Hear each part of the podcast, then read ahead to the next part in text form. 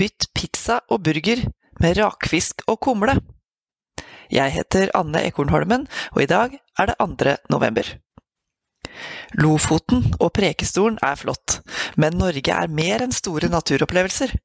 Stadig flere er sultne på lokal, unik og kortreist mat. Ved begynnelsen av dette årtusenet fantes det ett eneste gardsysteri her i landet. I dagligvarehyllene sto det ingen matvarer fra frittstående lokale produsenter. Siden har det skjedd en liten matrevolusjon. En som både norske forbrukere, tilreisende turister og bosatte i bygdene nyter godt av. I år feirer Hanen 25 år. Næringsorganisasjonen for bygdeturisme, gardsmat og innlandsfiske gjør seg synlig med brune skilt langs veien. Her er det opplevelser i vente. Mat, tradisjon, kultur. Kortreist og norsk.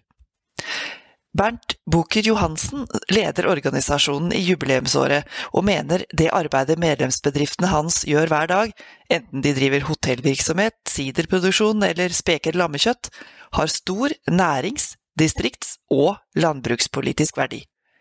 Tre pilarer der, altså. For hva er lokalsamfunnet uten identitetsmarkører som bygger stolthet og tilhørighet? Mat er viktige merkelapper, som brunosten i Gudbrandsdalen, blåmuggosten fra Selbu eller flatbrød fra Østerdalen. Eller rakfiskfestivalen i Valdres, som til helga feirer sitt 30-årsjubileum. Hit kommer 20 000 mennesker hvert år for å spise, drikke og prate. For opplevelsens skyld. Matfestivalenes rolle som møteplasser er uvurderlig. Et sted der produsenter og forbrukere treffes over felles interesser, og der fastboende kan tilby de tilreisende på selve gullet fra distriktet. Og hva er næringslivet uten gründervirksomhet? Uten matprodusenter eller arrangører med gode ideer, fagkompetanse og virketrang? Og som setter det ut i livet, basert på lokale naturressurser og råvarer. Småskalatankegangen er bærekraft i praksis. En framtidsretta produksjonsmåte som ivaretar røtter og tradisjon. Sånn kan det skapes lokale arbeidsplasser i flere bransjer som genererer aktivitet, turisme og reiseliv. Vel å merke hvis man evner å være jorda samtidig. De som ser en uutnytta nisje, veit òg at den er risikabel, arbeidskrevende og ikke nødvendigvis lønnsomt med det første.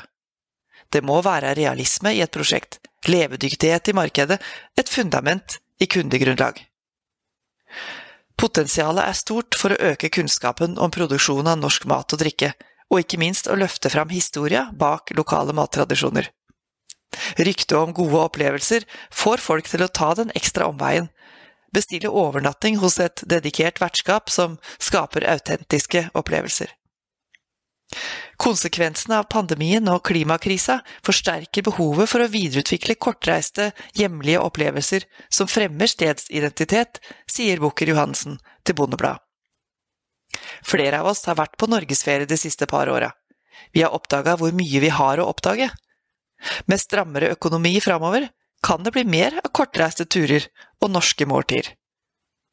Potensialet er også uutnytta for det utenlandske markedet.